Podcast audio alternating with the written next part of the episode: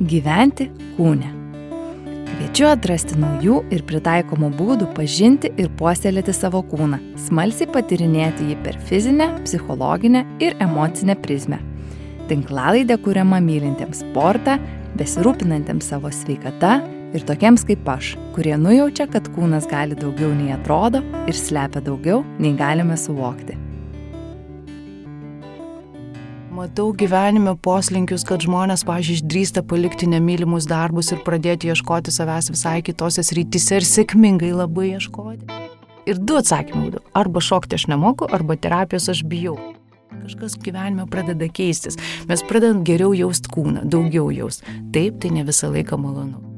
Sveiko pykčio išraiška yra tikrai turi būti naudinga pačiam žmogui. Ir ne, aš vis tik sakau, nežaloti aplinkos ir kitų gali būti kažkas tai, ko aš neapčiopiu kasdienybė ir kūnas išpasako istoriją ir kartais net nebūtinas žinoti kodėl. Save smerkti, save kritikuoti ir vertinti mes jau tikrai šitoje visuomenėje mokam. O įsivaizduoti turėti dalį, kuri tiesiog priima taip, kaip yra. Galutiniam variantė gydo ryšys. Labas, Auksė. Labas, Eglė. Labai ačiū, kad atvykai pas mane šiandien į šitą įrašo studiją. Mes įrašinėjom jau čia kažkelintą net gyventi kūnę tinklalaidės laidą ir pagalvojau, kad pats laikas pereiti prie šiek tiek tokių minkštesnių temų. Ir aš jau bes, be, besikalbant mum koridoriui pasakiau, kad sakau, buvo sunku ruoštis šitai, kažkaip tom techniniam temom pasiruošti paprasta, labai daug dalykų yra, ką galima paminėti, praktiniai patarimai, kažkokie suvokimai ir panašiai tema, kurią kalbėsim šiandien, yra šiek tiek tokia minkštesnė, aptakesnė, kaip ir pati įvardinai.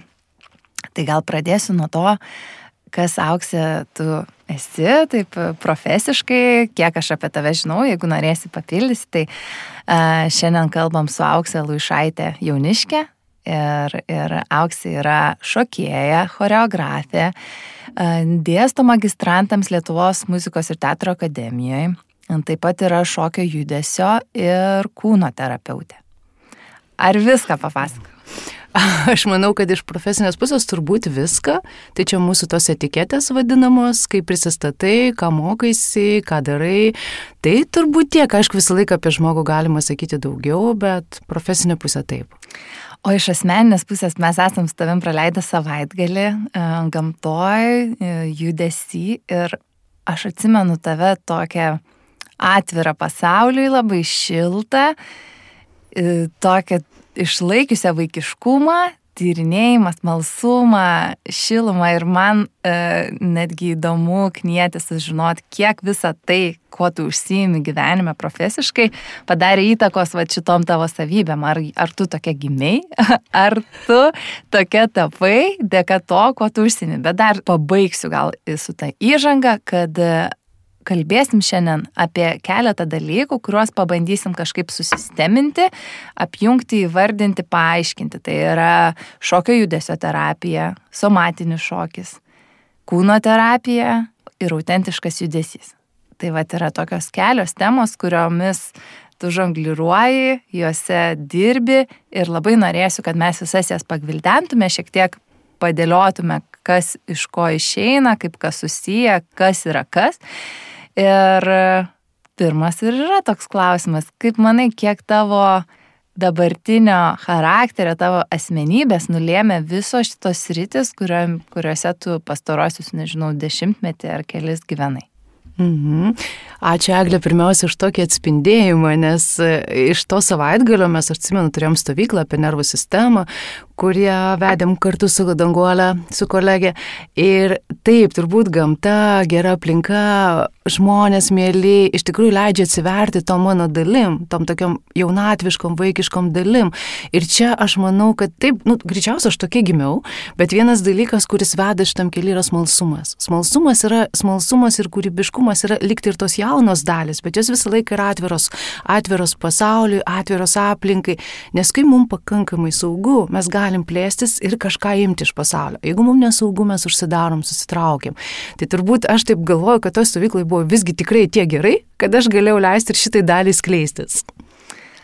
Bet kokiu atveju tai, ką mes darom, duoda um, rezultatų tam, kokie mes esam, kokie, kokiais mes tampam, į ką mes išaugam. Ir man tada kyla klausimas, ką visgi tau davė visos šitos uh, sritis - kūno terapija, šokio judesio terapija, ar prasme padėti kitiem, ar asmeninę naudą kažkokią? Aš galvoju, kad tai abipusės. Abipusės labai veikia ir aš kartais juokauju, na, visgi terapeuto kelias ir terapeuto profesija tai nėra pačios lengviausios profesijos. Ir kartais tai būna, kad, na, iš tikrųjų, ir kodėl aš šitą kelią pasirinkau, e, bet e, juokauju, toks juodas labai humoras. Aš turbūt nuėjau terapinį kelią dėl to, kad rašiau kalbą savo šeimoje, susišnekėčiau savo šeimoje, bandydama suprasti, kodėl mes tokie skirtingi, kas ten vyksta su tais jausmais, kodėl mes jų reiškiam ir nereiškiam. Tai žmogaus psichika ir dvasia man turbūt dabar jau patys įdomiausi dalykai yra. Ir be abejo, tai atsispindi ir mūsų kūne, kaip ir tavo laida gyventi kūne. Tai per kūną visą tai reiškiasi. Nei mūsų emocijos, nei mūsų mintis, nei nėra kažkur išoriai. Jos yra pasireiškia per per mūsų kūną. Tai visgi e, grįžtant prie klausimų ir asmeniniam ar profesiniam gyvenimui, matau, tai labai persipina. Ir kartais net yra toks identiteto klausimas, tai visgi kas aš esu, kas aš esu. Nes ar aš vien tik terapeutė, nes iš tikrųjų aš labai labai gyvenu tuo, labai daug skaitau ir dabar ir pati dar ir toliau mokausi dar vienam institutė. Ir man taip, na, taip psichologinių žinių dar norisi ir dar norisi šalia judesio, šalia kūno, šalia kitų dalykų. Ir po to tai be abejo tai įtakoja mano, daro įtaką mano asmenybei. Ir vis tiek su metais ateina toks klausimas, o kas po to asmenybės dar dalim yra, o kur ta mano esybė, ta mano siela, o ko ji nori. Tai čia toks turbūt neatsakyčiau labai tiksliai tą klausimą, bet aš manau, tai yra tokios begaliniai persipinimai, kaip aštuoniukės ateina, nueina, susilieja, atsiranda naujos spalvos, vėl keičiasi kažkas. Tai. Kad galėtume apskritai apčiuopti visą tai - šokio judesio terapija, kūno terapija, ką paminėjau, gal galėtum papasakoti, kas tai yra ir šiek tiek tokį, e, kaip dėstytoja, ne, išdėstyti, kas iš ko galbūt yra atsiradę ar kaip susiję, kalbant ir apie somatinį šokį, ir apie e, darbą su kūnu, tas angliškai body work ir apie autentišką judesi, visas šitas rytis, taip tiesiog padėti išdėliot, suprasti, kur stalčiukose kas gyvena. Mhm. Tai aš gal pradėsiu nuo šokio judesio terapijos, mm. kurie tie ir, ir gal per savo dar asmeninę prizmę. Tai bus paprasčiau man keliauti. E, tai kadangi aš visą gyvenimą iš tikrųjų šokau, buvau tas judrus vaikas nenusėdintis vietoj, tai geriausia mano išraiška turbūt buvo judesys ir yra dabar. Ir aš iš tikrųjų visą laiką galvoju, sukosi šokio terapija, šokio terapija, šokio terapija. Nu kas tai yra, nežinau.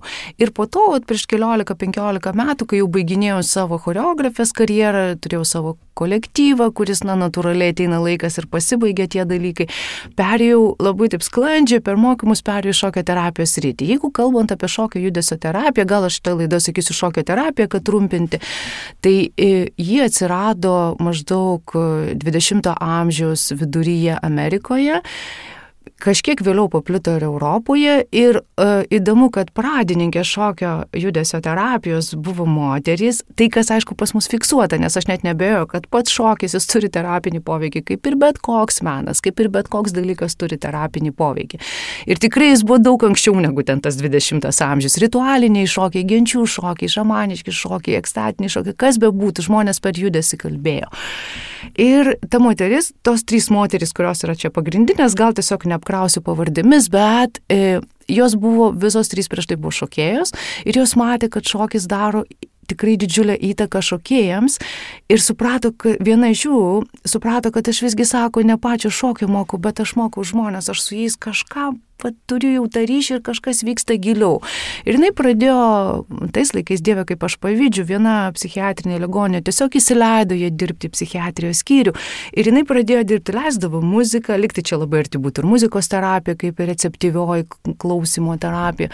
Leisdavo muziką, būdavo su žmonėm, atspindėdavo, kaip ir šokio terapija, vienas iš principų atspindėjimas, tai mūsų veidrodiniai neuronai veikia. Ir matydavo, kad labai lietai, bet pokytis vyksta. Žmonės iš katatonės, iš to visiško užstengimo pereidavo pamažu į kažkokį nors minimalų judesi, kažkas atsirasdavo ryšys. Visgi mes jau kalbam ne tik žodžiais, mes kalbam kūnais, mes kalbam akimis, mes kalbam emocijomis savo. Tai va toks buvo tas kelias ir po to pamažu jis vystėsi, vystėsi, vystėsi. Į Lietuvą šokio terapija atėjo turbūt 2000 kažkur 8-9 pirmi mokymai prasidėjo, po to įsikūrė asociacija ir čia buvo vienas kelias. Aš pabaigus tos mokymus, kelis metus pradirbus, pajaučiau, kad, nu, man dar kažko trūksta. Na, čia dar ne viskas yra, dar aš turiu suprasti. Ir tada nukeliavau būtent mokytis į integruotą darbo su kūnu ir judesio terapijos tokį institutą, kuris atvežamas, jis yra Londone įkurtas, bet jis atvažiuoja į Lietuvą dabar jau yra, man atrodo, dabar penkta laida mokosi. Ir čia kaip jokios, turi dvi kojas. Viena koja mano yra šokio judesio terapija, kita mano koja yra kūno terapija, aš sutrumpintai irgi vadinu, nes ten mes labai daug mokėmės patiriminės anatomijos kaip suprasti savo kūną iš vidaus ir kaip aš jį jaučiu. Vienas dalykas, ką mes matom vadovėliuose, tai labai toli nuo mano pajūtimo asmeninio, bet kitas dalykas, kaip aš jaučiu kiekvieną sistemą. Ir tai taip subjektyvu ir taip individualu yra, bet tai yra taip pagarbu kiekvienam žmogui. Nes nesvarbu, kuris diafragma, vienas jaučia, kur yra, kitas jaučia visai kitoje vietoje. Bet aš pasitikėčiau ten, kuris jaučia, nes tai yra kūno informacija. Tai taip pat jau, sakykime, ta kūno terapija ir tie bodyworkai, tą mes vadinam tai prisilietimas prie kūno autentiškas judesys visam šitam kontekste, jis yra toks jungiantis, nes jis yra tiek šokio terapijos metodas, tiek mes savo kūno terapijos e, irgi institutą naudojam autentišką judesį, nes tai yra kaip ir atskira disciplina, bet jinai yra man, na, yra tokia mistinė, apie ją jau turbūt galėčiau šnekėti kelias valandas. ir čia jau, mm, O somatinis šokis tai jau buvo mano pačios sudėlioti dalykai, nes supratau, kad na, galima šokti, pažiūrėjau, savo arteriniu ir veniniu krauju, galima šokti iš savo kepenų, galima šokti iš savo kaulų, galima šokti iš savo žarnynų. Ir tiesiog sudėliojau šitas dvi sistemas, tai tikrai nėra kažkas labai tokio netikėto, nes manau, kiekvienas mes kažką tokio darom. Tik gal nepavadinam. Negaliu patikėti, kad galima šokti iš savo kepenų. Tikrai galima.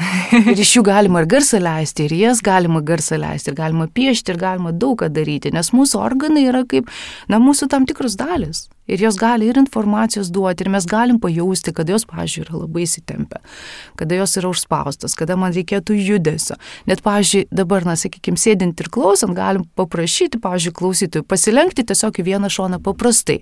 O po to, pažiūrėjau, paprašyti pasilenkti iš savo kaulų ir raumenų sistemos. Vėl būtų kitas pasilenkimas. O trečia, paprašyti pasilenkti iš savo organų. Nes mūsų kūnas yra užpildytas ir kai mes lenkiamės iš organų, mes gaunam tą paramą iš vidaus. Tas pasilenkimas jau bus visai visai kitas, pavyzdžiui, šoną. Ir va taip patirinėti jau būtų žingsnis, na, pajausti savo kūną. Aš pas tave puslapyje perskaičiau, kad yra ir tas patiriminės anatomijos toksai momentas. Tai va čia tai ir yra, apie taip, ką tu kalbėjai. Taip, taip. Pirmą kartą girdėjau tokią savoką, bet labai smalsu suprasti, kaip tai veikia, nes žinau, jog ir pati esu patyrus, pavyzdžiui, būdama pilvo masažė, pilvo srities masažė, kaip mūsų visi organai yra susijęs su mūsų emocinė būsena, kaip jų atpalaidavimas paveikia psichiką. Taip. Tai va čia lygiai taip pat turbūt vyksta per šokį. Tikrai ir taip, per judesį. Tikrai taip, per šokį, per judesį, per prisilietimą, per kvepavimą.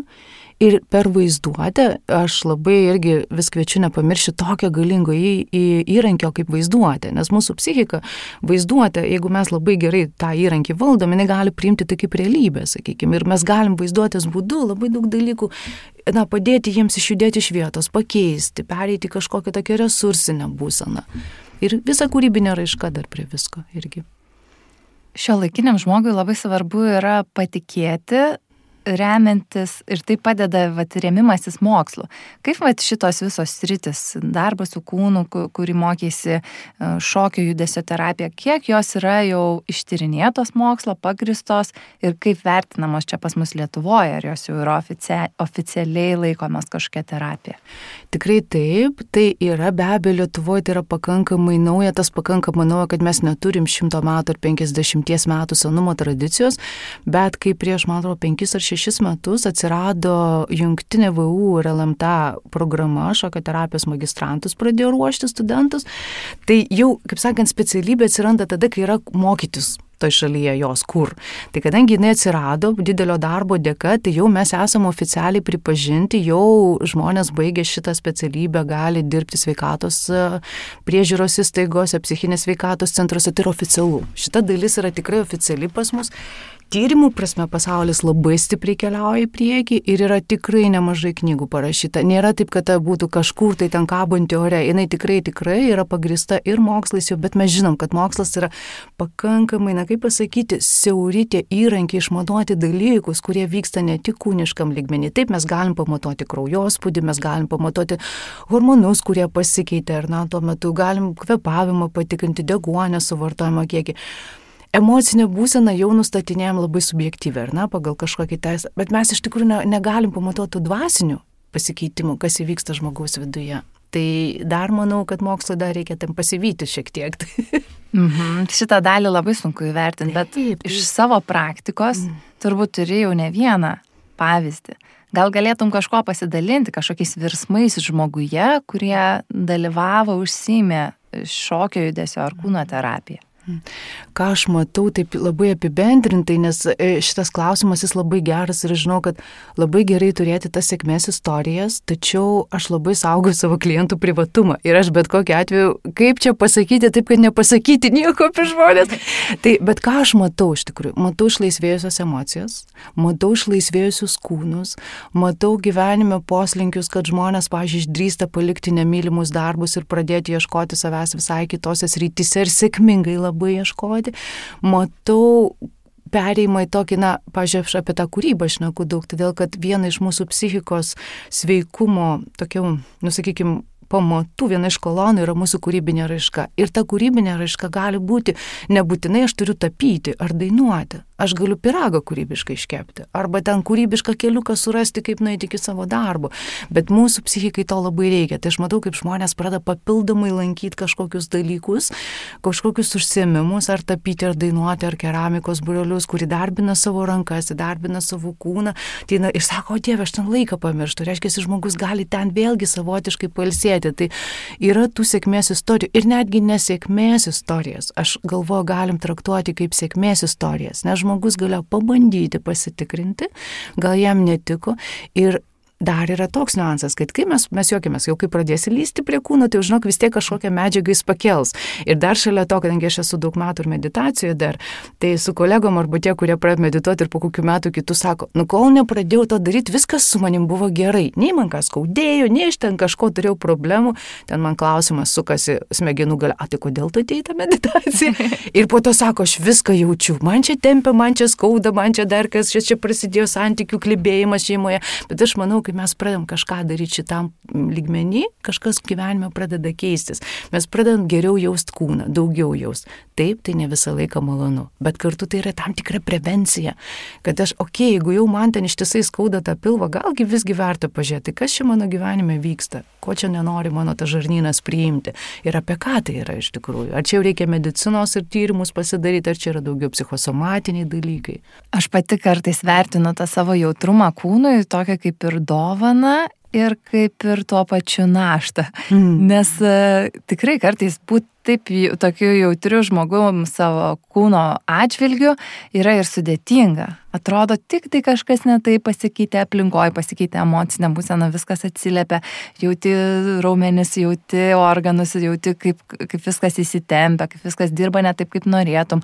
Ir tai kaip ir tau atrodo, duoda informaciją, ką gali su tuo daryti, arba bent jau, kad kažką daryti. Mm. Bet ir kita vertus atrodo, gal kitiem lengviau, kurie vat taip paviršim labiau, gal, ai, viskas daugmaž gerai, ne, ir ten neįsigiliniai kažką konkrečiai, bet tuo pačiu tai turbūt ir atvedė mane prie tokios temos ir kūniškos labai temos, nes čia labai daug slypi tokių žinučių ir man ta pati kūrybiškumo tema atrodo, mes esam ganėtinai užsisukę tokiam produktyvume pastaruoju metu, kad viskas turi turėti kažkokį rezultatą, prasme, aiškumą, norim tą savo laiką padėti taip e, produktyviai.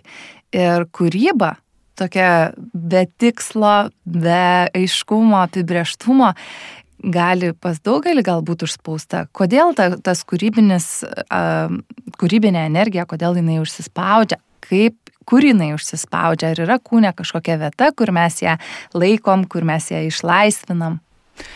Mhm, grįžtant prie kūrybinės temos, aš galvoju, kad kiekvienas, jeigu apie vietą kalbėt, aš manau, tai labai individualu, nes aš dar irgi nepagalvoju, kur ta mano kūryba slypėtų, tai čia labai įdomu būtų kiekvieno paklausti, kur tavo ta kūrybinė energija, iš kur jinai ateina. Bet e, grįžtant dar truputį tokį ankstyvą mūsų periodą, pažiūrėkit, kaip yra su vaikais. Jeigu jie neturi įrankių ar žaislų ar ko užsiimti ir ateina nuobodulys, po nuobodulio dažniausiai ateina kažkokia kūryba. Jie susigalvoja, iš ko pasidaryti žaidimą. Nes mūsų psichikai žaidimai, kūryba tai yra viena iš tokių sveikumo nusalgų. Jeigu mes nežaidžiam, jeigu mes ne, nekuriam, iš tikrųjų tai yra mm, nelabai mūsų psichikai patinka. Mes nueinam tą produktivumą, įveikimą, veikimą, veikimą.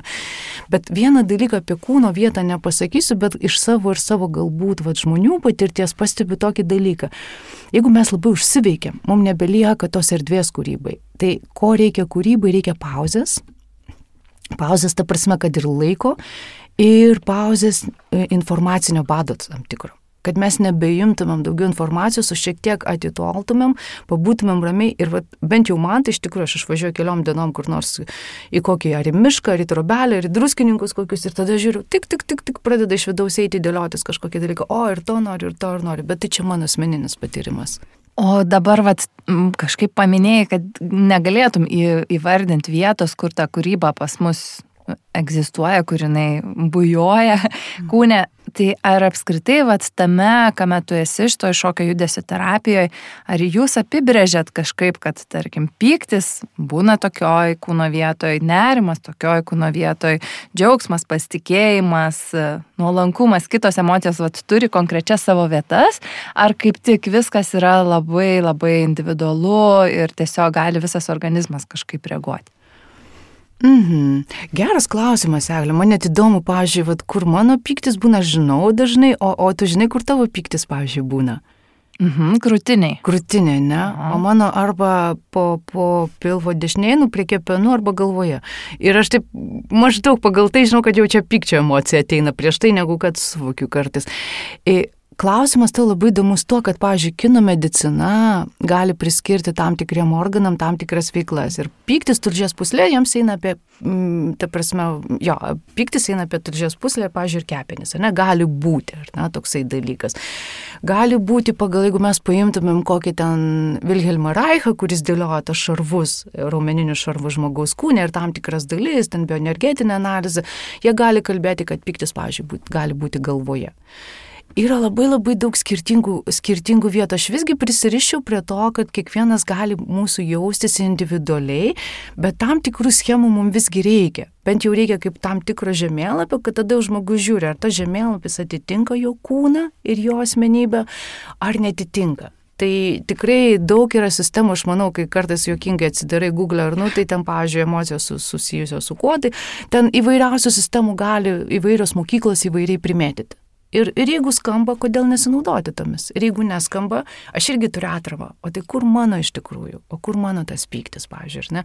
Nes pyktis yra nuostabi emocija. Šiaip, jeigu mes neuždėtume jai kažkokio vertinimo, tai apie ką jis kalba? Apie energiją. Energiją. Pirmiausia, energiją. Apie ribas kažkas pažydė, arba aš noriu kažkokią kliūtį sutikau ir turiu ją įveikti, arba noriu atstatyti savo ribas, atkurti. Tai yra energija, jinai konsteliuojasi tam, kad mes kažką išveiktumėm, va čia yra apie veikimą. Tai nuostabu, tik tai klausimas, ką mes su juo darom. Jeigu aš atstatydama ribas užpuolu kitą, tai negeriausias būdas. Bet gal aš galiu tą pyktį kažkaip suvaldyti ir tada tiesiog kitų būdų savo tas ribas atžymėti. O kokiu būdu per šokio arba kūno terapiją ar autentišką judesi tą pyktį išveikinėjat? Mhm. Tada mm, yra keli būdai. Vienas dalykas, jeigu žmogui labai labai jau daug jo prisikaupia ir dažnai, kai daug prisikaupia, net išeina į tokį psichosomatinius skausmus įvairius, kūnas įtampa iškeliauja, galvos skausmas, migreniniai skausmai. Viena iš priežasčių, kas gali būti daug prisikaupusio pykčio, gali ir pilve būti įvairiai. Rankos būna labai įtamptos, pažiūrėjau, kumščiai suspausti. Tai jeigu jau yra taip, mes pirmiausia mokomės atpažinti kas yra, ir tada galbūt reikia išraiškos. Įvairios išraiškos. E, aš kviečiu visą laiką į tokią sąmoningą išraišką, nes nesąmoninga išraiška gali likti paprasčiausia katarsinė, tuo momentu ta energija nukraunama, bet nėra surišimo su ta mūsų sąmonė, dėl ko aš tai darau, ką aš tai darau. Ir tiesiog, nu, aš išpilu gerą savo energijos kiberą lauk, nu, aišku, kaip per daug geriau išpilti visgi. Negu, negu kad susprokti viduje. Bet jeigu po to jau normalizuot, kad aha, pakyla piktis, kada kaip, kaž, kaip aš išveikinėjau ir geriausias būdas tai jį naudoti, na, konstruktyviai, pažiūrėjau. Tai galima, aišku, jeigu jau labai reikia, mes galime ir išsišaukti. Ir labai sąmoningai, jeigu ten tas senas metodas, kurį dabar ir kritikuoja kartais, bet iš principo pagalvėlę galima su kumščiu ten išdaužyti, galima kažką minkyti, mes plėšom popierių kartais su žmonėm, molį galima ten išminkyti, labai ta energija gerai išeina išeina.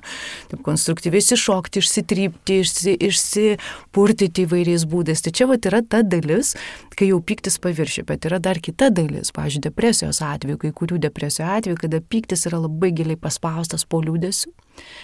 Ir tuo atveju tada mes turim pirmiausia eiti per kitą emociją. Pirmiausia, leisti tam liūdėsiu pakilti ir tada jau tik tai, kad atsirastų energijos, nes depresijos atveju energijos ne kažką žmogus turi nelabai. Tai tada lauk, pakeliam tą energiją per judėjimą visą laiką energijos, na, turi žinai, ir per kvepavimą judėjimą mes galim pakelti žmogui šiek tiek tos daugiau energijos atsiranda kūne ir tada, jeigu reikia, einam iš veikimą arba sąmoningai tą pyktį galima iš tikrųjų. Na, pavyzdžiui, sveikai pykti išreiškia, išreikšti, tai galima ir apginti save kažkur, kur reikia, ar darbe, ar šeimoje, jeigu ten, pavyzdžiui, žmogus užspaustas. Sveiko pykčio išraiška yra tikrai turi būti naudinga pačiam žmogui. Ir ne, aš vis tik sakau, nežaloti aplinkos ir kitų, mhm. jeigu spėjai. Mhm. Juodas humoras, bet, nu, ta prasme, kartais visai būna, visokio atveju teko matyti ir, nu, tiesiog žmogui labai daug prisikaupia ir tada jau ir skylė gali būti sienoje ir ten Mhm. Tai atsitinka variantai. Mhm. ir krumpliai žaizdoti. Taip, ir krumpliai žaizdoti. Tai čia irgi savo jų nesukelti skausmo labai irgi labai svarbu. Mhm. Bet, na, žinom, kai labai ekstremalu, tai visgi pirmą reikėtų kaip elektros iškrovą nukrauti didelį kiekį, o po to pradėti normalizuoti, valdyti. Nes tai yra energija, ką mes visą gyvenimą mokomės iš tikrųjų rytų filosofija, kas sako, valdyk savo energiją. Valdyk savo energiją. Emocijos jos yra spalvos. Jos yra spalvos. Ir iš savo patyrimo ir iš savo klientų patyrimo, iš savo asmeninio labai tokio gilaus patyrimo pasakysiu, kad po pykčių labai dažnai slypi didžiulis kiekis skausmo. Didžiulis kiekis skausmo. Jis nėra šiaip savo tas pyktis. Tai va dar susitikti su ta dalim, nes jau skauda dažniausiai siela dėl kažkokių tai priežasčių. Mhm. O kaip atpažinti, kaip atpažįstat, vat, kalbėjimo būdu, rašant, kaip su, susigaudyti va, tą patį pirmą kartą atėjus į terapiją pas tave, kaip susigaudyti, su kuo dirbti, ar tiesiog leisti kūnui bandyti pasakyti mm. kažkaip. Koks tikslus tavo klausimas, Eglė, iš tikrųjų, nes kai žmonės ateina, aš visą laiką klausiu, kokią kokia tema norėtume dirbti, koks jūsų užklausimas yra. Ir kartai žmonės nežino, nes atveda mūsų į terapiją dažnai intuicija, bet aš turėjau, bet mes dar negalim įvardinti to klausimo, labai tikslus jisai. Ir mums užtrunka sesijų, kol mes jį įvardinam kartais. Ir kartais būna, kad tas tikslas keičiasi po kažkiek laiko, staiga, o aš apgalvoju ir aš noriu kitaip. Bet Be abejo, kad aš kaip kūno šokio terapeutė turiu savo testukų įvairių žemėlapio kūno paspalvinti, kurį įtampos mes galim žiūrėti. Mes testų turim įvairių, na tikrai naudoju tokių metodų, kad šiek tiek atsirakintų pasąmonę, metaforinės korteles naudo. Tada žmogus pradeda, pradeda kažką iš savęs kelti. Nes kaip yra iš tikrųjų, viena mūsų dalis, tas veikoji, na iš tikrųjų nori pagalbos, jinai nori sveikti, jai reikia palydėjimo tiesiog. Bet yra mūsų psichikos gynybos kurios darys viską, kad tu nejudink kaip yra, nes gali būti blogiau arba dar skaudės. Nes kartais tikrai tą skausmą, tą maudimą mums reikia praeiti. Tai geriau nejudink, geriau to danties netaisyklai, gal kažkaip išgerus analgino ten viskas praeis. Tai va yra ir ta dalis. Tai mums kažkaip per žaidimą, per tyrinėjimą. Nes jeigu tik psichikai pasakysi, žinai, mes dabar keisim, tai viskas užsi, užsistabdo ne, ne, ne, ne, ne tiek daug tų motivuotų žmonių, kurie sąmoningai lysi šitą. Bet jeigu sakom, tyrinėjom, tyrinėjom, žaidžiam, nu kaip tai galėtų būti, iš karto atsileidžia tos gynybos. Ir tada galima labai švelniai, labai po truputį, aš iš principo esu už švelnų ir lėtą metodą. Nes aš tais drastiškais pakeitimais jie įvyksta kartais, bet tai dažniausiai žmogus būna jau didelį darbą nuveikęs iki tol su savim. Ir tada jie įvyksta. Tai, tai tikrai čia ne terapeuto nuopelnas. Ir iš principo aš nemanau, kad kas nors yra terapeuto nuopelnas. Atsiprašau iš karto savo kolegų, bet aš manau, kad žmogus pats dar padaro. Mūsų tikslas yra paliūdyti ir palydėti. Tai čia taip aš galvoju. Mhm. Aš pati iš savo e, terapinės patirties, nes esu įvairių terapijų bandžius tarp jų ir kūno, ir, ir šokio, tai kažkaip žinau, kad vien, kad psichika tikrai vat, turi tą gynybinį sluoksnį ir pačiam jį įveikti yra labai sunku, turbūt todėl ir yra terapeutas šalia. Mes kažkaip apsisaugom, ne, kaip veikia mūsų smegenis, kad mes neleidžiam savo prieiti kitų labai skausmingų emocijų. Aš manau, dabar, kai tu paklausai, man atėjo tokia, žinai, mm, metafora lygiai taip pat, kaip veikia kūnas prie sužeidimo. Jeigu mes užsigaunam ir įsispjaunam kažkuria vietą, mes tos vietos niekam neleisim liesti, ar ne? Dėsim bintą, dėsim pleistrus ir tik nelieskit. Ir tai bus ilgą laiką, kol nesugys ta vieta. Aš manau, labai panašiai veikia mūsų psichika. Jeigu mes patyrėm kažkokią žaizdą, mes geriau toje vietoje nebesilieskim, nebeleiskim, kol ta žaizda apgyja. Kai apgyja ir, kaip aš sakau, na, lieka, a, nebekraujuoja, bet jau lieka tas randas, va tada galbūt galima atsisukti ją, žiūrėti ir, ir kažką apie tai kalbėti. Ir tu teisi, kartais, kartais tikrai reikia kito žmogaus kaip refleksijos, tačiau vėlgi gal nėra ta mano patirtis tokia didelė, gal kokiu ten 40 metų darbo, jeigu aš dar būsiu gyva, pasakysiu kitaip, bet dabar aš galvoju ir iš visų savo studijų, ką dedu, kad ne, nelaužykim tų gynybų žmogaus, nes tai yra jo adaptacijos mechanizmai šitam pasauliu. Net jeigu jos tam tikrų momentų, jos kitampa nebenaudingos, žmogus pajaučia ir va tada jos kažkaip gali pradėti po truputį nutirpinėti, birėti, kažko keičiam, bet jos mums reikalingos. Jeigu mes jas sulaužom, tai ką paleidžiam žmogų nuogą, plikai gatvę ir tu gyvenk. Ir kaip jam gyventi, jis vėl, vėl kažkur gali susižeisti. Tai šito vietoj gynybos jos buvo, na aišku, ateina laikas, kai jau nebereikia jų, tikrai nebereikia. Va tada, va tada tada gali terapija truputį padėti žmogui pirmiausia pamatyti, kas vyksta sąmoningai. Žiūrėk, tu čia visą laiką, va, pažiūrėjau, užsidarai ir gynės, ar tikrai jau taip nesaugu dabar yra, ar jau tikrai tu negali tiesiog va, to daryti. Tada žmogus pats renkasi, kokie žingsniai, kiek, saugu, nesaugu, bet čia jo sprendimas yra. Mhm.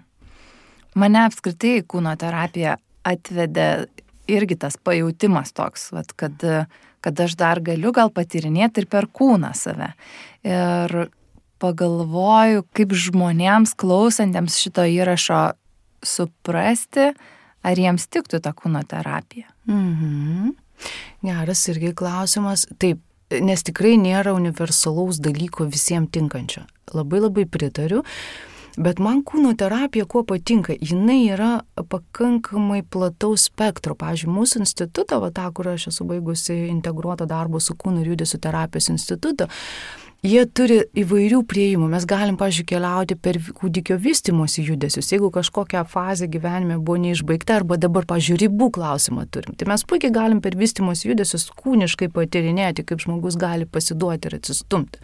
Tai vienas būtų. Taip pat mes turim tą autentišką judesį. Ten nebus prisilietimo. Ten bus liūdimas, judėjimas iš savo kūno impulsų su terapeuto liūdimu ir palaikymu pilnu. Be vertinimų, be interpretacijų, be kažkokio noro keisti ar teisti Tai ar daug mes turim tokios erdvės? Ar daug mes turim erdvės, kur būtumėm pamatyti? Toliau turim tą body worką, ką tu minėjai, prisilietimai kas iš tikrųjų mūsų nervų sistema yra labai galingas įrankis, nes kai mes būnam dar embrionais, mes turim tokius tris lapelius ir vien, iš vieno iš jų vystosi oda ir nervų sistema, va dėl ko tas yra glaudus ryšys, prisilietimas su nervų sistema ir tinkamas prisilietimas pamaitins visada nervų sistemą. Bet jeigu žmogus turėjo gyvenime smurtinių prisilietimų arba netinkamų, tokiu atveju jam tai bus visiškai nesaugu ir jam tikrai negalima būtų naudoti šitos technikos. Tai vėlgi, va, ta kūno terapija aš sakyčiau, pirmiausia, pabandyti ir pabandyti pas skirtingus net terapeutus. Nes e, galutiniam variantė gydo ryšys. Mes naudojam metodus, kurie žinom, kad mums padėtų tas ar tas, mums padėtų kvepavimas, mums padėtų judesys, bet galutiniam variantė vis tiek mums reikalingas ryšys, palaikantis ryšys, palai, paskatinantis, leidžiantis vat, aukti tame ryšyje žmogui. Tai sakyčiau, bandyti pasižiūrėti, kam tinka ar ne. Ir su, su sveiku požiūriu, kad man netinka, na ne visi gimėsą valgo. Tai labai natūralu, kad kažkas to nevalgo, kažkas, kažkam netiks kūno terapija, kažkam dar netiks kažkas. Dar ateina toks pamastymas man. Esu girdėjus, kad kūno terapija neatsakinėja į klausimą, kodėl kažkas įvyko. Nes mes labai daug apie tą klausimą galvojam psichoterapeuto kabinete atsakinėja į klausimą labiau, ką su tuo daryti, arba kaip tai išveikti, kaip paleisti. Tai vat, ar taip, taip ir yra? E, aš manau, tai priklauso individualiai nuo terapeuto, nes mano, mano studijoje dažnai kyla klausimas, kodėl. Bet irgi iš mano dabartinių studijų iš tikrųjų viena iš krypčių yra, kad neklausinėti kodėl, bet mes klausim, vat būtent kaip, ne, ne kodėl, bet kaip tai dabar, kaip ta patirtis tave veikia dabar ir ką galima su tuo daryti, kaip ją galima integruoti. Pavyzdžiui, yra tam tikrų, sakykime, traumų, psichologinių traumų gydimo krypčių, kurios mano, kad nebūtina prisikasti prie to šaknies, kada įvyko trauma, nes kai kurias traumas mes galim ar trauminius įvykius, stresinius, kurie susideda paskui kompleksinę traumą, patirti visiškai, pažiūrėjau, verbaliniai būsenai būdami kūdikiai. Mes nepapasakosim apie tai. Mes negalėsim suprasti. Mes žinosim, kūne kažkas yra, o mes nežinom kas. Tai galima patirti net būnant gimdoje. Dabar jau kalbame apie tarp, tą tarp generacinę traumą, tarp kartų įvykusią traumą. Mes tai galim jausti kūne, bet mes nepapasakosim. Mes galim turėti idėją, kas tai yra. Tai jeigu ta idėja padeda, gerai, bet šiaip iš tikrųjų tai kūną daugiau dirbama čia ir dabar, čia ir dabar. Ir aš irgi visai na, sakykime, ir pati norėčiau net labiau va, tą skatinti. Nes kai mes klausim, kodėl čia kaip ir būna su tuo atveju lyga, kokia didžiulė ateina ar įvykis, mes sakai, kodėl, o tai yra net knygelė, kodėl man, kodėl tai, kodėl dabar apie krizės. Ir kai mes klausim, kodėl ateina, na, sakykime, tokia idėja, galbūt fantazija, kad lyg aš galiu kontroliuoti tą dalį, kodėl man tai vyko. Bet ne viską mes galim kontroliuoti. Mes kartais net nežinom priežasties. Tai tiesiog atsitinka, nes žmogus pradeda kaltinti save, lyg va aš padariau ne tau, aš tai susirgau tuo ir to. Nebūtinai. Nebūtinai. Tai va tas kaip mums gali padėti išveikti per, pavyzdžiui, integruoti tą visą patirtį per pojūčius, per emocijas, per kūrybinę dalį e, pakeisti tam tikrus prisiminimus, perrašyti šiek tiek toks istorijos, sugražinti saugumą kažkokį, kokį įmanoma sugražinti saugumo pojūtį. Tai tada daugiau dirbu, dirbti su kaip ir kaip, kaip toliau ten su to būti jo. Nes tu, tu teisi labai su to klausimu, kad kartais istorija tokia stipri, kad žmonės ją pasako ir pasako ir pasako ir ta istorija užvaldo, ne? ypač jeigu žmogus prisimena tos trauminius ar labai stresinius dalykus, jinai valdo žmogų, ne žmogus ją valdo, bet istorija valdo žmogų. Ir tas klausinėjimas, kodėl labai sužadina kalties jausmą arba buvimo auka, taip. kodėl kažkaip taip su manimi vyko, taip. gal kažkas taip. kaltas dėl to, ne? Taip, tai taip, taip. Ir mes tikrai kartais tampam aukos, na tai neišvengiama gyvenime, ar ne, mes būnam viskuo, ir budeliais, ir aukom, ir, ir gelbėtojais tampam, tai yra, yra tie dalykai. Ir, na, manau, kad gyvenimo patirime ne, ne, nors nepakliūti kažkokį įvykį, kur su tavim pasielgia bjauriai, arba tu tapai auka, tai turbūt nerealu, turbūt didžiausia čia svarbu būtų neužstrikti jame, neužstrikti tam aukos mentalitete ir nesmerkti savęs, nes na, va, iš mano patyrimo ateina kartai žmonės ir aš vėl aukos poziciją ir pradeda pykti ant savęs, bet tai okay, tas pyktis tvarkoja, tai vad auka, ką išstumė iš savo sąmonės, tai atsakomybė savo gali ir savo pyktį. Tai šitoje vietoje pyktis labai gera emocija, o va dabar su tuo ir žiūrim, ką aš galiu, tavo energija pakilo, taip, tai yra neteisybė, tu gali išsakyti tai pusė, kad ir dabar netoje kisto, tai gali išrašyti laišką, gali išveikti tą pyktį ir atstatyti save, apginti save, sugražinti savo tą, vat, na, ašį kažkokią tai.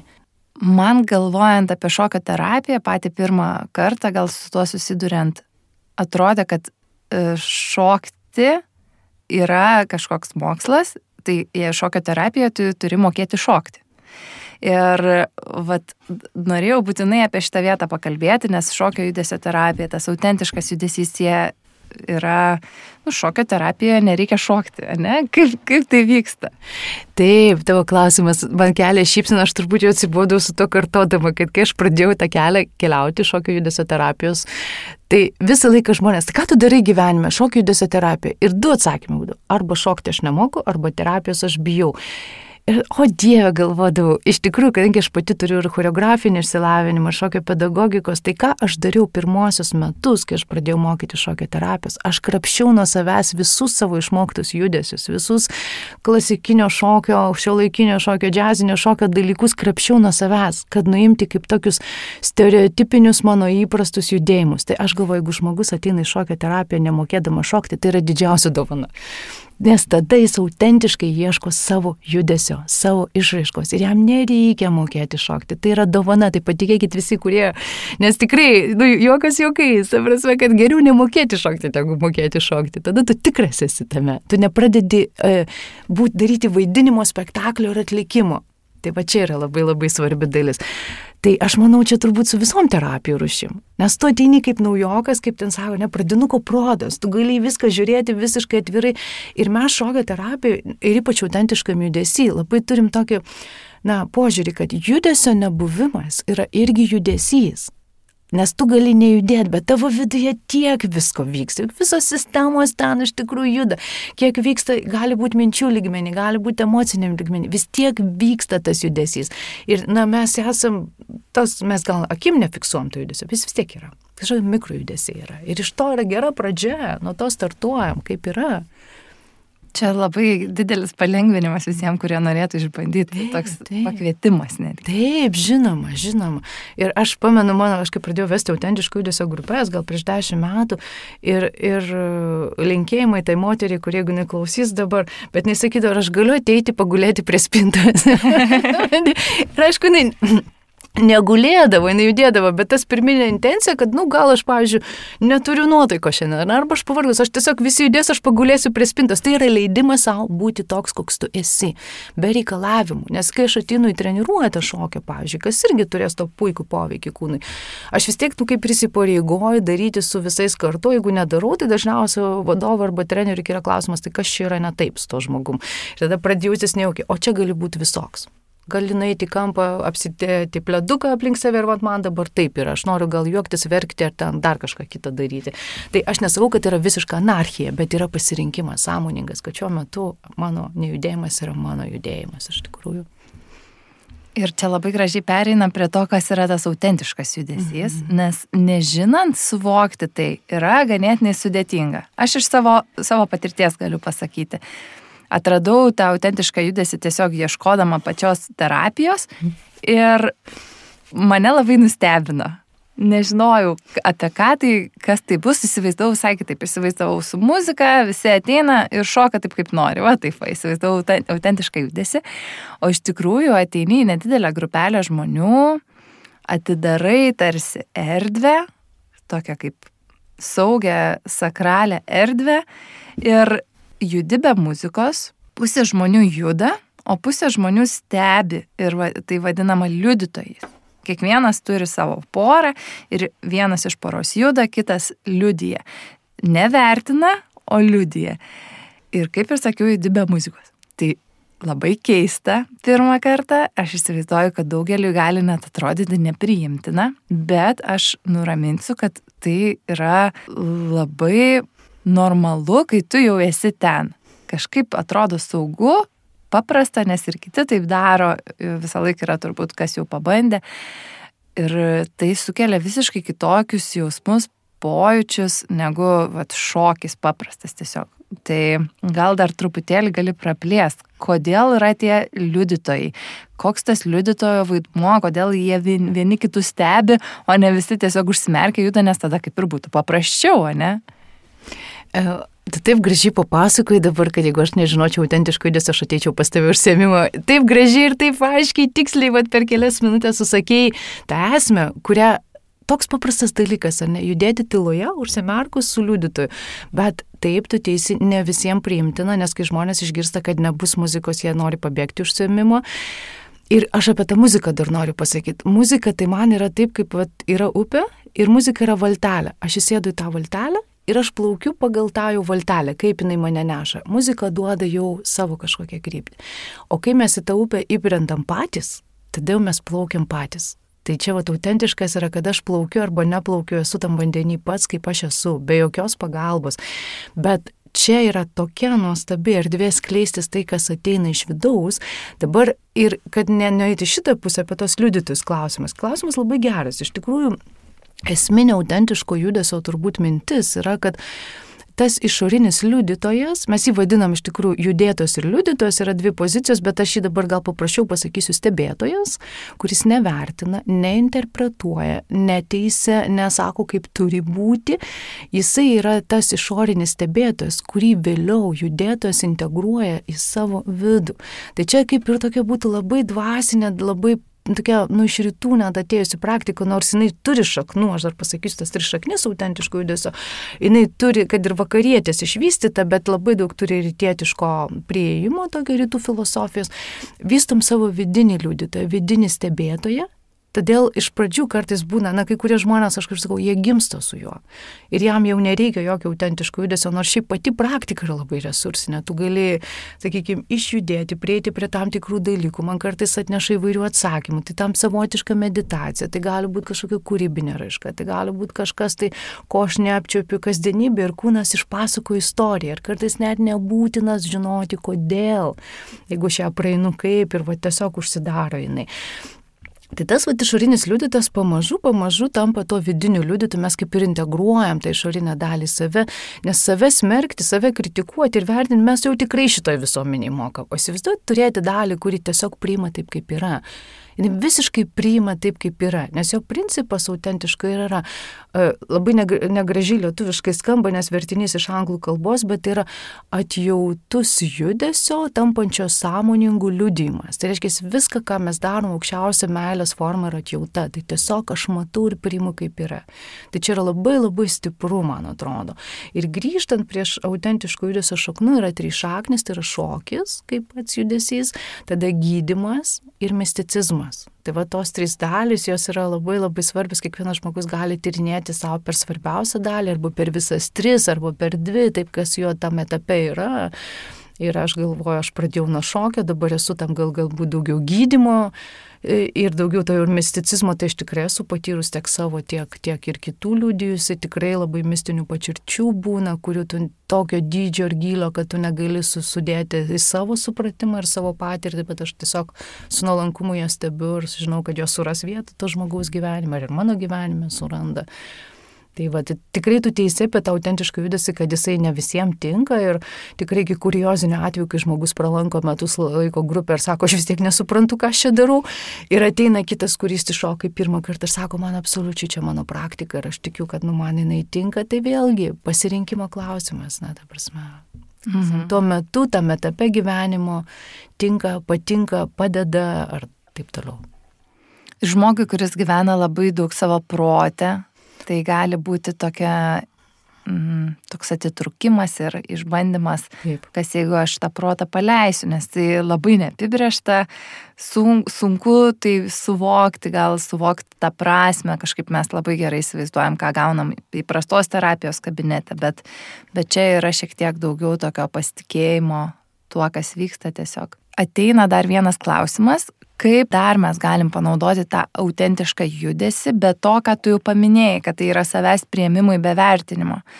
Kas dar, m, mm, kokie dar vaisiai e, mhm. išauga va šitam derliui ir kas dar yra tokio svarbaus, ką mes galim pasimti iš tokių užsijėmimų. Mhm. Na, man atrodo, kad turbūt tokia gyvenimo, čia gal mano labai tokia subjektyvi patirtis, bet priimti ir pažinti save, tai turbūt būtų gyvenimo, nu, prasmių ir esmių esmė. Tai čia turbūt, jeigu va šitą galim pasimti, tai yra tiek daug, tiek daug iš tikrųjų. Ir tada, kai priimu ir pažįstu save, aš visiškai kitaip elgiuosi su kitais žmonėm. Nes jeigu aš turiu gerą santykių su savim, man nereikia įrodinėti savo galios, man nereikia pulti kito, arba nereikia nusižeminti ir būti, nes nusižeminimas ir nuolankumas labai toli gražu ne tie patys dalykai. Tai man atrodo, čia yra labai labai stiprus pamatas. Jeigu šitą vystant, tai aš nežinau, man atrodo, visa žemė geresnė pasidarytų ir mums nereikėtų nieko įrodinėti, kovoti, naikinti žemės ir, ir teršti jos ir karūna būtų. Na, čia mano tokia, nežinau, idėja, fantazija tokia labai su palinkėjimu net. O iš principo, ką dar galima pasimti? Tai Vienas iš tokių būdų gali būti, aš net atsimenu, prieš kelis metus pati suradau tą, kad kadangi autentiškam judesi mes turim penkis lygmenis, mes galim pradėti, pažiūrėjau, fiziniam lygmenį, fizinę formą stebėti paprasčiausia, paskui einam į pojūčius, tada emocijas, einam į minčių lygmenį ir vaizduotės. Tai, pažiūrėjau, atradau tą, kad pabandyti žmonėm, kurie labai protė, išjudėti su savo mintim. Ir mes ten turim tokį žaidimą, negatyvios, pozityvios, neutralios mintis ir judi. Tai vien taip pastebėti, kaip kūne veikia mūsų mintis, ką jos daro mūsų kūne ir kaip mes reaguojam, tai yra labai didžiulis patyrimas ir labai vertingas, nes aš tada matau, kai aš užsisuku savo rate, kas vyksta su mano kūnu.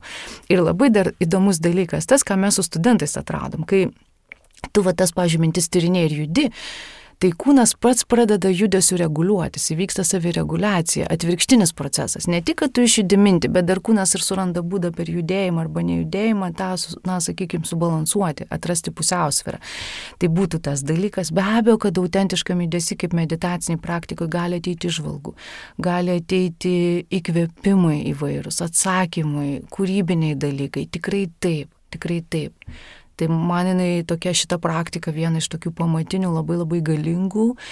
Labai kaip būna, paprasti dalykai yra genialūs. Nieko ten pati bandėjai, pati žinai, nieko kažko nereikia. Jei, kaip mano mokytas sakydavo, ko reikia autentiškam judesiu? Dviejų žmonių. Mhm. Viskas. Ir daro, ta prasme, viskas. Tu vas susirandi erdvę, bet kur tai gali daryti. Jau tai yra patyrimas. Nes to reikia tavo liudytojo, kad tu neliktum vienas kad tu turėtum tą palaikymą, kad tu būtum matomas. Ir dar mūsų, mūsų sociume ir turbūt jau na, Europai labai stipriai e, paskutinę, nežinau, kiek jau metų, daug, daug, jau čia šimtmečiais galim kartoti, kad e, neturim to gerojo e, matymo patyrimo. Ir kad mes nesam matomi tokie, kokie esam, visą laiką iš aplinkos lyg ateina kažkokie reikalavimai, po to tie reikalavimai jau mūsų viduje skamba, kaip aš turiu atrodyti, kaip turi būti, kaip aš turiu atitikti to sociumo dabar normas įvairias, kaip aš turiu elgtis. O matyti žmogų toks, koks jis yra, kaip būna labai gerą pavyzdį skaitau, kaip ėjo pasivaikščioti du suaugę ir vaikutis mergytė ir nebėgo, bėgo ir paskui nubėgo priekį, atsisėdo ant akmens ir sako, pažiūrėkit, kaip aš sėdžiu.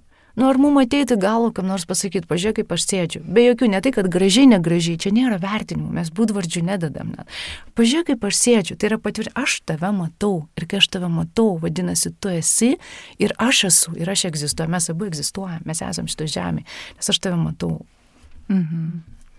Labai gražiai uh, nuėjo visas šitas pokalbis prie to, kad labai svarbu matyti vieniem kitus mm -hmm. ir tiesiog per ryšį ir per santykį vyksta gyjimas tiek su terapeutu ryšyje, tiek ir su kitais. Ir mano paskutinis tradicinis klausimas, ką tau auksė pačiai reiškia gyventi kūne. Mm. Tada iš tą klausimą atsakysiu iš maždaug prieš kažkiek minučių, kaip tu šnekėjai, kad kūnas yra ir dovana, ir tam tikra, sakykime, našta, kai viską jauti, tai man turbūt tai reiškia kūne gyventi, tai kad aš labai daug jaučiu savo kūniškais potyriais, pojūčiais, emocijom labai labai jaučiu daug ir mano gyvenimas iš tikrųjų yra labai labai turtingas gyvenant kūne, bet turtingas viskuo. aš negaliu sakyti, kad aš gyvenu tik taip, tose jau man maloniose patirtyse, yra jos ir ne visą laiką malonios, bet aš priimu tai kaip gyvenimo dalį, kad nevengti skausmo, nevengti įtampų, jos irgi turi savo prasme, tai yra signalai. Tai vad man gyventi kūne reiškia patirti turbūt, na, kiek įmanoma šito žemė patirti, tai patirti patirti labai didelę amplitudę visko. Mhm. To ir palinkėsim šiandien Taip. klausantiems mūsų patirti savo gyvenimą ir per kūną, ir patirinėti per kūną, kaip ir visa šita tinklalaidė e, tuo tikslu yra kuriama, patirinėti, ką mūsų kūnas mums sako Ir kūno terapija, autentiškas judesys šokio terapija yra labai geras įrankis. Aš tikrai pati esu jį išbandžiusi vairiom formom pas skirtingus terapeutus ir jis tikrai leidžia atitrūkti nuo tų savo kasdienių mąstymo modelių, šiek tiek iš vis išeiti iš savo to minčių ciklo tokio ir, ir iš šalies pasižiūrėti kitą perspektyvą. Tai vad tai yra labai labai toks svarbus prasmingas darbas, kurį tu dirbi aukse. Ačiū tau labai. Ačiū, Ačiū. Ačiū už galimybę apie tai kalbėti. Tariu didelį ačiū, kad perklausai šią tinklalaidę ir noriu pakviesti prisidėti prie tolimesnių laidų kūrimo. Ta padaryti gali Contribui platformoje, kur esi reikalinga paskirą įvedę žodžius gyventi kūne.